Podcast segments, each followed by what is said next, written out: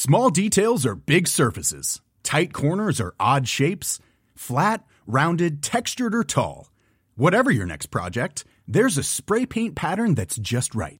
Because Rust new Custom Spray 5 in 1 gives you control with five different spray patterns.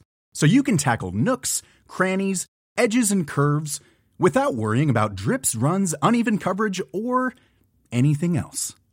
Custom Spray 5 in 1. Only from Rust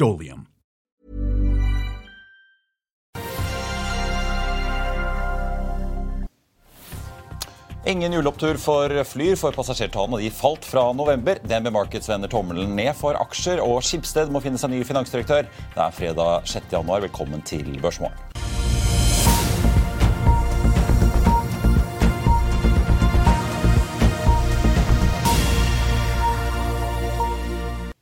En eh, riktig god morgen alle sammen, og velkommen til oss her i Finansavisen. Mitt navn er Marit Thorensen, og med meg har jeg Anders Pedersen Bjergård, redaksjonssjef for Finans her i FA. Karl Johan er borte i dag. Og vi får straks besøk av ABGs nye norgessjef, Christian Fyksen. Vi lurer jo på da når det blir fart i børsnoteringene og kapitalmarkedet igjen etter en litt stille høst. Wall Street i går, Nasdaq endte ned halvannen prosent etter fullt av SMP 500 ned 1,2 Vi så Dow Jones tikke nedover en blank prosent. Det har vært litt blandet i Asia nå på morgenkvisten, men vi får vel da si at det har vært en relativt god start i de asiatiske markedene i denne første børsuken i det nye året. Hovedindeksen på Oslo Børs fikk seg også litt eh, opptur i går. Endte opp 0,7 da etter to sure dager med rundt halvannen prosents fall begge dagene. I dag venter det med Markets en oppgang på 0,4% fra start.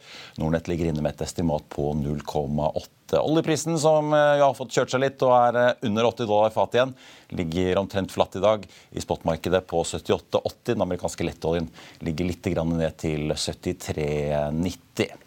Vi var innom det på starten av eh, sendingen. Skipsted melder at Ragnar Kårhus, finansdirektøren, har annonsert at han ønsker å gå av som finansdirektør i medie- og rubrikkselskapet.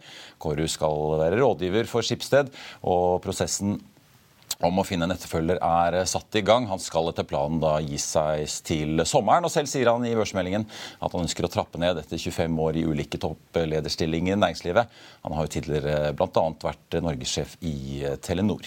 Nell melder at de har inngått en feed-avtale med HH2E om å levere to 60 megawatts elektrolysøranlegg til Tyskland. Partene har til hensikt å inngå en formell kontrakt innen første, utgangen av første halvdel av året, kommer det frem i meldingen fra Nell. For å nevne da Autostore, som har fått litt eh, vind i seilene etter spekulasjoner om at Amazon skal teste ut eh, robotlagerselskapets eh, utstyr. Det har satt fart på aksjen denne uken. Spekulasjonene stammer da fra et LinkedIn-innlegg fra Britain Lad, en ekspert innenfor automatiserte lagringssystemer, eh, får vi si. Så Autostore har jo foreløpig ikke villet kommentere eh, disse spekulasjonene. Autostore Action har steget nå fem dager på rad, fra 17,50 omtrent til 22 eh, kroner aksjen. Oppdrettsselskapet Mosseval er ute med en oppdatering. De slaktet 5031 tonn i fjerde kvartal, opp fra 4879. Slaktevolumet i fjerde kvartal året før, i 2021 altså, 4813, så opp fra det. Så vi tar med oss at Proximar har fått et lån på 300 millioner kroner fra en japansk bank, melder de. Lånet skal brukes til selskapets anlegg og produksjon av atlantisk laks ved foten av Fuji-fjellet. Da har jeg fått med meg Anders Pedersen Bjergård. Anders, god morgen. Skal vi kaste oss over eh, flyrtallene først, kanskje? Ja, vi får nesten det. Det var jo ganske, ganske, svake, ganske svake tall. Det slo meg at eh, passasjertallene gikk ned fra november til desember. Det er jo ikke bra i det hele tatt. Og spesielt med tanke på at eh, Flyr skal hente 450 millioner kroner til. Det ser jo ikke bra ut i det hele tatt. 52 400 passasjerer, fyllingsgrad på 73 57 500 da i november og enda litt fullere fly også. Men, har det egentlig kommet noe nytt om uh, emisjonen i Flyr siden sist? Nei. Nei. Det er uh, veldig lite informasjon. Så nå sitter investorene og, og ser er forretningsmodellen til Flyr uh, levedyktig. Ja. Og må være det. De må vise at de har en forretningsmodell som kan tjene penger for at de skal greie å, å, å sikre, sikre, finansiering. Hadde jo Flyr eh, litt mer trøkk i hjulene. De fløy til litt flere byer, i hvert fall innenriks i Norge. Nå går de tilbake til vinterdvalprogrammet Oslo, Bergen, Trondheim. Og så da ruter nedover til kontinentet. Brede Huser, den relativt nye sjefen i Flyr, som rykket opp fra finansdirektør, sier han er fornøyd med nyttårssalget. Men vi trenger kanskje noe mer håndfast eller å, når det, i hvert fall når det gjelder emisjonen, hvis folk skal sette mer penger i dette her, eller? Ja, de må, de må, kunne vise at forretningsmodellen er lønnsom. Og så er det på en måte sånn, det blir fryktelig vanskelig du, når du går inn i, inn i 2023. Folk eh, får mindre penger å rutte med. Da er det ikke den ferieturen til eh, Alicante som, eh, som står øverst på, på, på, prioriteringslisten. Så jeg tror, jeg tror, det blir krevende for Flyr å få på plass eh, pengene. Vi skal følge spent med. Vi vet i hvert fall Brede Huser har sagt at uh, de trenger mer. De trenger ikke alle disse 700 millionene, var det vel uh, sa men de må i hvert fall få mer da innen utgangen av mars. Det er liksom make or break. Mm. Og det er vel i Q4 da, når de tallene kommer, så får man kanskje litt mer informasjon om hva som, hva som venter, og hva, hva som er status. Ja får vi ta med Norwegian kom med sine trafikktall i uh, går. Fraktet uh, eh, 1,3 millioner uh, passasjerer da i desember alene. Fyllingsgrad på 77,8% så litt grann overflyr. Men det er jo sånn nesten da at Norwegian fraktet like mange passasjerer bare i desember som Flyr fraktet da i hele 2022. Widerøe kom også med tall litt tidligere i uken. Snakker om at det er fortsatt litt under 2019-nivå. Men Anders, vi, vi, må ta for oss også Biofish Holding, som er ute med en liten oppdatering i deres eh, kapitalprosess? Ja, De skulle jo hente 50 millioner, opp til 50 millioner kroner. Det lykkes, uh, lykkes, ikke med. og Det på en måte sier kanskje litt om, om markedet nå. Det er ganske tøft å hente penger hvis man ikke har et, uh, har et selskap som, som, tjener penger og på en måte har lyse fremtidsutsikter. Vi får spørre ABG-sjefen senere hva han eh, mener er suksessoppskriften for å klare å hente penger eller komme seg på børs. Noen eh, har jo klart inkludert Energea, som gikk på børs her før jul. Ja, ja. så det er noen som får det til. Noen får det til. Du, Vi må snakke litt om dagens avis også. Du hadde eh, forsidesaken i dag om DNB Markets som anbefaler salg av aksjer. Hva er det Paul Harper og teamet egentlig har konkludert nå? Jo, I finanstermer så er det noe som heter undervekt. Det betyr at man skal selge, selge aksjer. Eh, så de gikk liksom fra en nøytral, eh, vekt til undervekt, og det er ganske sjeldent at DNB gjør. Eh, I 2019 da var det første gang på ti år at DNB hadde en undervektanbefaling. Og så har det på en måte vært undervekt, litt moderat undervekt frem til 2020. Og så har de vært ganske nøytrale til markedet, og så går de ned igjen og, og kjører undervekt. Da. Så det er et ganske sterkt signal. Og Det er ganske mye interessant han Paul Harper trekker frem i den artikkelen. F.eks. det med at markedet ikke har priset inn eh, estimatkutt. Oslo Børs ja, for Vi ligger jo nå rett foran en uh, rapporteringssesong hvor det også sannsynligvis kommer uh, Vi kan i hvert fall vente oss guiding på hva selskapene tror om 2023. Ja, og på si Oslo Børs, Analytikerne forventer nå en inntjeningsvekst på 18 ekskludert uh, råvarer, sjømat og olje til neste år det er litt som å tro på julenissen. Så man må følge med når Q4 kommer. Da tror jeg det kommer mye negative nyheter som gjør at analytikerne tar ned estimatene sine. Ja, Vi har jo sett det på en del oljeaksjer de eh, siste dagene også. Pake BP, Equinor. Og en del eh, justerer etter eh, nedgangen i gassprisen. Ja, jeg så DNB Markets var ute med en oppdatering i dag der de tar ned kursmålet på Equinor, Aker BP og og Vår Energi. Ja. Og så kutter de 2023-estimatene på oljepris fra 105 til, eh, til 95 dollar per fat. Så det blir nok eh, et fortsatt, krevende år. Fortsatt gode tider, men ikke så eh, gode tider. Ja, så Åpenbart er det jo en del PE-kalkyler som kan endre seg litt da, hvis earningsdelen i den brøken der plutselig tas ned. Ja, Det finansfolka lever av å prøve å finne ut av. Veldig bra, Anders. Vi skal ta inn dagens gjest er tilbake rett etter dette. Vil du bli oppdatert på det viktigste som har skjedd innen finans og næringsliv? Da er det bare å følge med, for hver morgen er jeg, Marius Lorentzen og aksjekommentator Karl Johan Malnes på plass i studio for å ta tempen på dagens marked i Børsmorgen. Og hver ettermiddag oppsummerer vi alt du trenger å vite i økonominyhetene, og det blir selvfølgelig masse interessante gjester. Klikk deg inn på fa.no-tv, eller søk opp Børsmorgen og Økonominyhetene der du hører på podkast.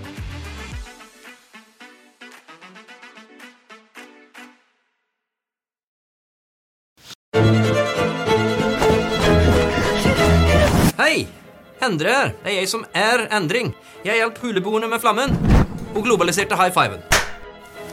Men det å få norske bedrifter til å forstå effekten av å bruke skyen, det er noe av det vanskeligste jeg har vært med på.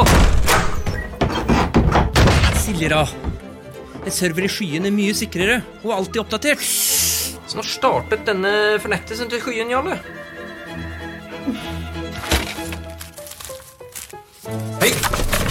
Husk at med digitale utlegg så slipper du å ta vare på kvitteringene. Slipp permen, Rigmor. Lagring i skyen, så kan alle ha tilgang til dokumentene. Uansett hvor de befinner seg. Ja, endring kan være skummel, men å bruke skyen gjør deg mer effektiv og bedriften mer lønnsom. Vi holder det i hånden hele veien inn i mål.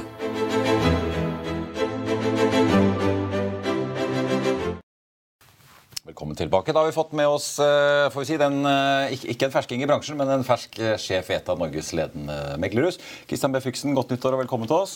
Tusen takk. Hyggelig å være her. Gratulerer, gratulerer med ny jobb, får jeg si. Takk for det. Du har rukket å være i den i noen uker, men du trådte på rett før jul. Det gjorde jeg. Jeg startet 12.12., så noen, noen, uker har det blitt, pluss en liten juleferie. Ja. Men uh, du har vært i ABG i en god del år. Begynte der i 2016? Det gjorde jeg. 2016, Og så tok jeg over som leder for investment banking fra 1.9. Men Fortell litt om den rollen, for dere er jo et nordisk meglerhus. Jonas Trøm, konsernsjefen, sitter vel i Stockholm til vanlig? Absolutt. Det... Hvordan, er liksom, hvordan er dere organisert når vi da kaller deg norgessjef? Absolutt. Så vi har, vi, vi har, gruppen eller holdingselskapet hvor Jonas er sjef og konsernsjef. Så, så han, er, han, er, lederen der. Og så har vi da en stor operasjon i Sverige og en stor operasjon i, i Norge. Hvor jeg da har ansvar for, for den norske operasjonen. Du, du, har jo vært Tidligere var du leder for global, global, leder for Capital Markets i DNB. Kanskje Vi skal begynne litt, vi må snakke litt om liksom hva som rører seg. Apropos din gamle arbeidsgiver, da, som er litt mer forsiktig med aksjer om dagen. Hvordan les, eller hva tror du egentlig vi kommer til å se nå i de første månedene i 2023? Det har jo vært ganske ruglete i året vi har lagt bak oss. Det har det, det har det, absolutt. Så starten av året er avventende blant investorene. Ja. Ganske mye usikkerhet. Og den kanskje største usikkerheten, tilbake til det dere nettopp snakket om, er hvor mye av, av endringene i selskapets resultater er egentlig priset inn i aksjemarkedet i dag og hvor, hvor mye eh, av eh, den forventede kanskje estimatkuttene hos analytikerne er det som faktisk allerede er priset inn av investorene. Og Der er det stor usikkerhet og ganske avventende holdning blant investorene. Eh, er, er, det mange som sitter seg på gjerdet og rett og slett uh, går over i en del obligasjoner, uh, eller sitter i statsobligasjoner og liksom andre litt sånn tryggere plasseringer i påvente av Kanskje som det vi var inne på, at her, kan det, her kan det komme fall videre? Ja, men man er i hvert fall i en situasjon hvor uh, det å ta stor risiko i aksjemarkedet er ikke i tiden. Så det er mer i retning av å enten sitte rolig eller bevege seg mer til type defensive uh, aksjer. Hvis vi snakker litt om, om butikken deres, da, som du nå får ansvaret for her i Norge. Eh, dere er jo børsnotert, så man kan jo sitte og lese regnskapene og se hvordan det går. Dere hadde jo en voldsom opptur under pandemien. Eh, da husker vi, Anders, da rant jo på med børsnoteringer. Voldsomt mye transaksjoner. Mm. Så kom jo det en ganske stor brems. I hvert fall Aronex Growth var det jo en hel tørke omtrent. Mm. Eh, hvordan er det liksom internt nå? Er det sånn at eh, man er veldig opptatt av å få omsetningen eh, opp igjen, eller må man Nei, altså vi, vi er jo eh, det, det, er jo to ting som driver vår inntjening. ene er jo det generelle markedet, som vi selvfølgelig er avhengig av. Og så er det vår relative posisjon i markedet. Mm. Fokus hos oss hele tiden er å gjøre det så bra vi kan i det markedsmiljøet som vi, som vi er en del av. Det er også på en måte fokus nå. Så er vi opptatt av å snu oss rundt raskt, jobbe med den type transaksjoner og den type situasjoner som våre kunder ønsker bistand med. Og typisk da, For å ta et eksempel, så har vi sett betydelig økning i fusjoner, oppkjøp, public to private-transaksjoner eh, over de siste månedene. Og vi ser at den trenden fortsetter inn i 2023. og da mindre børsnoteringer og kapitalinnhentinger i lys av hvordan markedet ser ut. Men Kan det oppveie for en god del av de antall gode provisjonene og inntektene dere har hatt fra emisjoner, noteringer? Det, det, det, kan det. Og så vil det være sånn for oss som for alle andre i bransjen at når den generelle aktiviteten er ned flere titalls prosentpoeng, sånn som den er nå, så vil det også påvirke vår. Small details are big surfaces. Tight corners or odd shapes. Flat, rounded, textured or tall. Whatever your next project, there's a spray paint pattern that's just right. Because Rust new Custom Spray 5 and 1 gives you control with five different spray patterns. So you can tackle nooks, crannies, edges, and curves without worrying about drips, runs, uneven coverage, or anything else. Custom Spray 5 and 1. Only from Rust I'll see you in court. Vi sier det ofte litt på spøk, men for deg som driver business, er det aldri moro å innse at du ikke har laget en 100% gyldig kontrakt. Du bør ikke risikere hele firmaet ditt fordi du synes dette med kontrakter er litt stress. En avtale er ikke en avtale. Du kan miste kunder, miste venner, ja, til og med miste inntekter om du ikke lager en skikkelig kontrakt, på alt mulig, egentlig. Men vi vet det er et styr. Kopimaskiner, tregprinter og haugevis av papir. Dessuten stoler vi jo på folk her i landet. Det er ofte litt kleint å skulle be om en signatur for alt mulig, ja, for mye av styret handler også om jakten på underskriften. Det finnes en enkel måte å løse dette på, Dukkobit, en trygg, effektiv og get this, gratis måte å sikre seg en god natts søvn pluss en juridisk bindende avtale. Dukkobit-appen har de strengeste sikkerhetskrav i bunn, samt en EU-godkjent og sertifisert teknologi. Framover vil det bli behagelig å spørre du, skal vi skrive under på det, eller? Kom i gang på dukkobit.no. Inntjening. Sånn vil det, sånn vil det være. Men, men ja, absolutt. Mm. Eh, Hvordan ser pipelinen ut eh, nå fremover? Ja, så, så pipelinen vår eh, i sum er omtrent som for et år siden. Det er mer M&A i pipelinen enn det var for et år siden. Eh, færre børsnoteringer, i hvert fall i den korte, eh, i den korte pipelinen. Eh, og så har vi, eh, som jeg var inne på, mer, eh, vi ser mer public to private-aktivitet enn vi så når kapitalmarkedet var sterkere. Ja. Men Hva slags type aktører er det som er interessert i å ja, gå public to private, altså kjøpe opp selskaper og ta de av børs? da? Nei, altså, er det noen kjennetrekk ved det, eller er det litt Ja, det, det er det. I hvert fall til en viss grad. Flere av selskapene gjør det typisk operasjonelt ganske bra. Eh, flere av de har globale markedsposisjoner som gjør at de tiltrekker seg globale interessenter, som ser at eh, verdien er interessant hvis du er på en måte villig til å tenke gjennom, gjennom, eh, gjennom sykelen. Så, så, det, er vel, det er vel kjennetegnet. Og typisk da så har det, har det gjennom 2022 vært et antall teknologirelaterte selskaper som, selskaper som har de her karakteristikkene. Ja. Og Anders, Vi har jo sett uh, noen bli plukket opp fra Euronex Growth uh, også. Ja, Viking Venture har jo greid, greid å kvitte seg med, kvitte seg med alt mm. som de tok på, på børs gjennom, gjennom, å, gjennom å selge til private equity. Men er det, Apropos pipeline, hvis du ser på noteringer, er det, er det noen store som på en måte ligger og venter og bare vente på at markedsforholdene skal bli bedre eller riktige?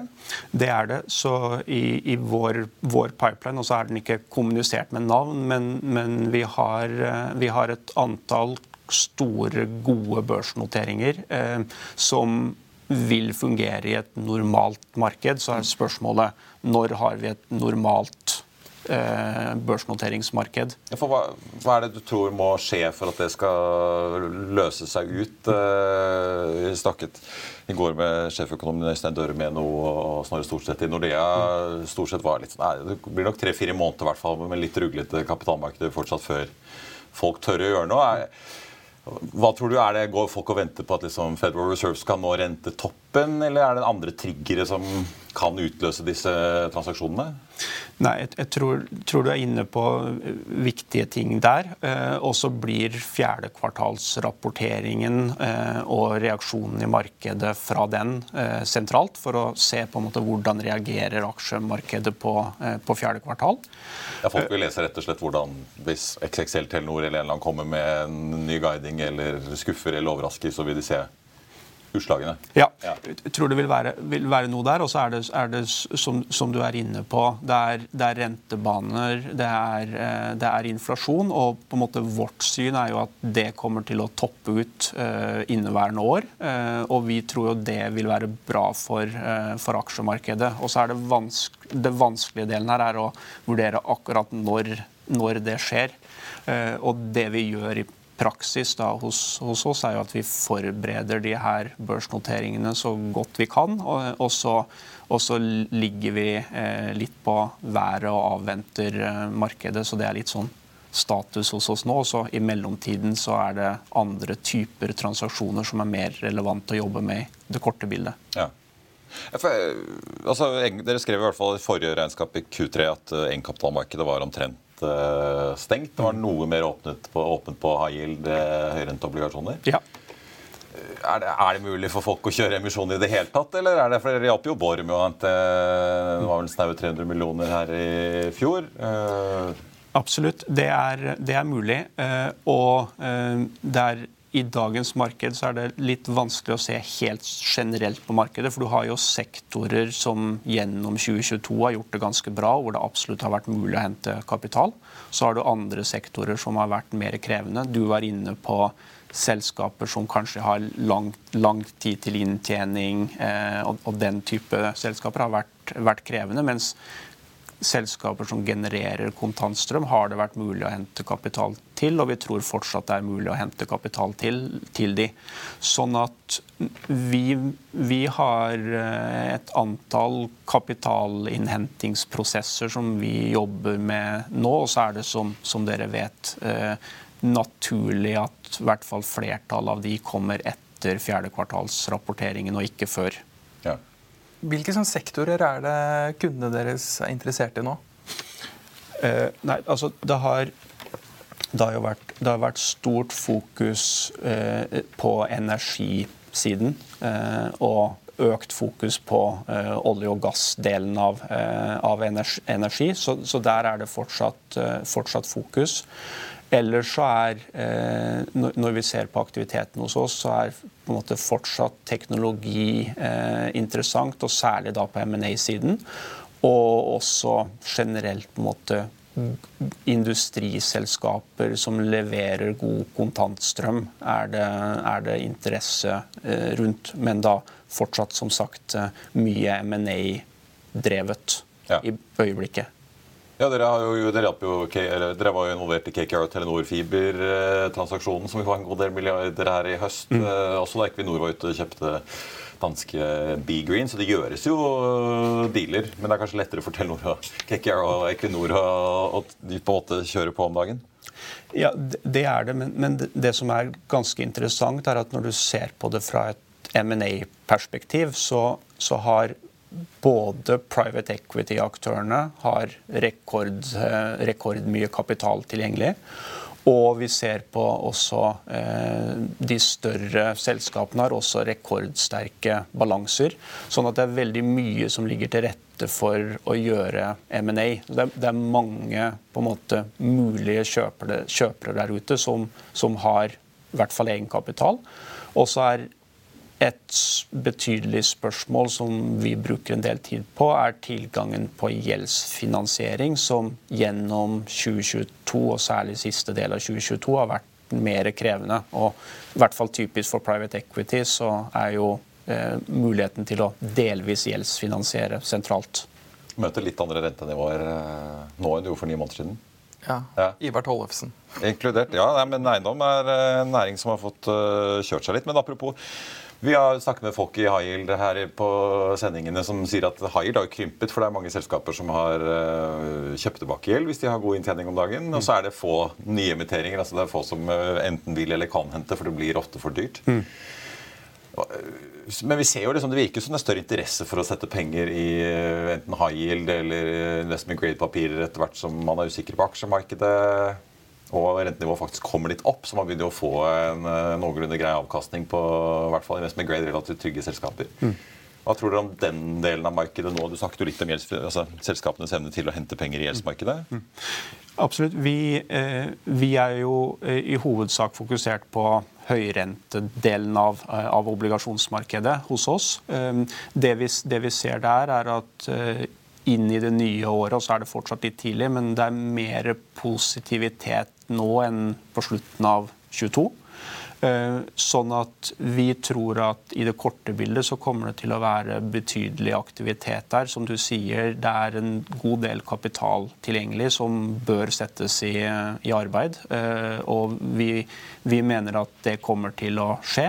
Og så er det også der, litt på samme måte som med børsnoteringer, liksom litt mer usikkerhet gjennom 2023 og det lengre bildet. Hvordan markedet både tar imot eh, primæraktivitet igjen, og, og, hvordan på en måte rentenivået og, og, prisingsforventningene kommer til å være. Ja.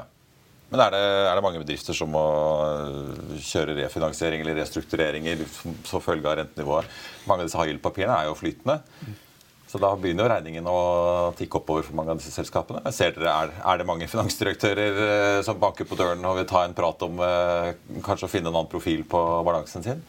Det, det, er det, eh, og det har for så vidt pågått en stund. Og det kommer til å, å, å fortsette. Og det, og det, er klart med, med, dagens rentenivå sammenlignet med hvordan, hvordan det var for tolv måneder siden, så er den øvelsen på relativen viktigere i dag enn den var for noen måneder tilbake. Mm. Hva er liksom markedssynet til ABG? Har dere noe sånn overvekt, nøytralvekt, undervekt, sånn som den DNB? Ja, så eh, vår, vår analyseavdelingssyn er, eh, er eh, inn, i, inn, i, året er at vi, vi, tror at, eh, som jeg sa, rentene kommer til å toppe ut. Eh, vi tror inflasjonen kommer til å eh, toppe ut. hvorvidt Eh, og hvor, hvor, tøff eh, en resesjon blir, og det er mulig vi allerede er der, eh, er, er vi usikre, usikre, på. Men totalbildet her er at vi, hvis de her tingene faktisk skjer, og rentene topper ut inflasjonen topper ut, så har vi et ganske positivt syn på aksjemarkedet gjennom året. Og så er det timingeffekter her og, og, den kortsiktige usikkerheten som er vanskeligst å, vanskeligst å måle. Ja. Ja, for det er en del som fikk seg et ganske krevende fjorår med ja, SMP ned nesten 20 Nasdaq over 30 Absolutt. Ja. Absolutt. Og litt sånn avhengig av hvor mye Equinor-effekt du fikk med deg eller ikke. Mm. Ja. Kristian Fyksen, tusen takk for at du eh, kom til oss. Det blir eh, et veldig spennende år eh, å følge med både dere og hva de andre meglerrussene hoster opp av transaksjoner fremover. Det blir det, absolutt. Vi, vi skal i hvert fall følge med. Takk for meg. Og god helg etter hvert. Hovedindeksen på Oslo Børs starter opp 0,5% altså omtrent som varslet i dag. Jeg tenkte vi bare må kjapt må titte på noen av de aksjene vi har snakket om på starten av sendingen. Flyr starter ned 3,6 i dag. da Etter trafikktallene for desember så viser en passasjernedgang fra november til desember desember, selv om selskapet trappet opp eh, avgangene og rutene da i forbindelse med juletrafikken. Konkurrenten Norwegian ned 0,2% SAS opp 0,8 og Norse Atlantic, langdistanseselskapet, opp 1,4% nå på ukens siste børsdag. Skipsted, der hvor eh, finansdirektør Ragnar Kårhus nå eh, takker for seg, ned 1,2 i hvert fall hvis vi ser på A-aksjen, ned en prosent omtrent på B-aksjen. Så får vi også nevne at uh, i tillegg til at oljeprisen nei, hovedindeksen er opp, så er da oljeprisen litt, uh, har mistet litt grann fart nå utover morgenen. Ned 0,4% til 78,53 i eh, spot-markedet. Ellers så tenkte jeg vi må bare få med at tidligere shippinganalytiker og hedgefondforvalter i Cleaves, Joakim Hannisdal, er ute på Twitter og skriver at han venter et tøft første halvår innen tørrbulk, etterfulgt av et sterkt marked i andre halvår. Han tror imidlertid at aksjekursene innen tørrbulk nærmer seg en bunn I porteføljen hans har han da 2020 Bulkers som den største posten. Magnora, der tar SEB opp eh, dekningen altså på fornybarselskapet med en kjøpsanbefaling og et kursmål på 32,50. Magnora, hvis vi slår den opp eh, kjapt, ligger nå opp 3,7 i dag til 21,15. Equinor, Morgan Stanley har regnet litt på olje- og energigiganten. De nedjusterer kursmålet fra 342 til 290. Opprettholder salgsanbefalingen på Norges største selskap. Equinor endte i går på 319,60, opp 0,6 i dag. Eh, til 321,60 nå. DNB som Anders var innom litt tidligere, oppgraderer anbefalingen sin på Equinor fra hold til kjøp, men nedjusterer også kursmålet med en tikroning til 380. I går så var jo Sparebanken Markets ute og oppgraderte til kjøpet de også. Equinor har jo falt en god del tilbake da på eh, primært av fallende gasspriser. DNB Markets har også regnet litt da på Aker BP og Vår Energi, som vi var inne på. Og mer om det får du på fa.no.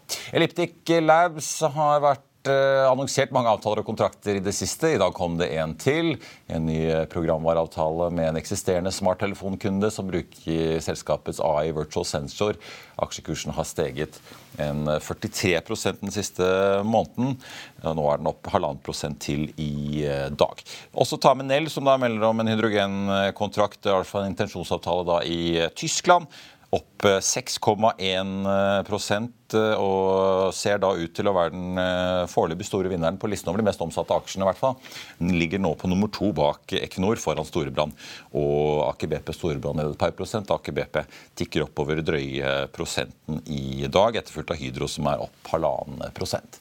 Og Det var eh, børsmålen på denne gudskjelov-dagen fredag 6.1. Husk å få med deg Økonominyhetene 13.30. Da blir det mer fra NHOs årskonferanse, der vi bl.a. snakker med toppsjefen i et av verdens største kjemikonsern. og vi spør også Nordensjefen i Statkraft om hun vil bygge mer kraft i Norge etter skattepakken fra regjeringen i fjor høst. Før den tid så får du siste nytt på FA nå gjennom hele dagen. Der får du selvfølgelig også jobbtallene fra USA, som også kommer 14.30 for desember måned, som veldig mange kommer til å følge med på.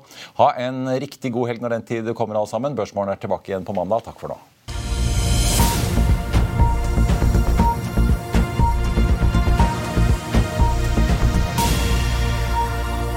Økonominyhetene er en podkast fra Finansavisen. Programledere er Marius Lorentzen, Stein Ove Haugen og Benedikte Storm Bamvik. Produsenter er Lars Brenden Skram og Bashar Johar. Og ansvarlig redaktør er Trygve Hegnar.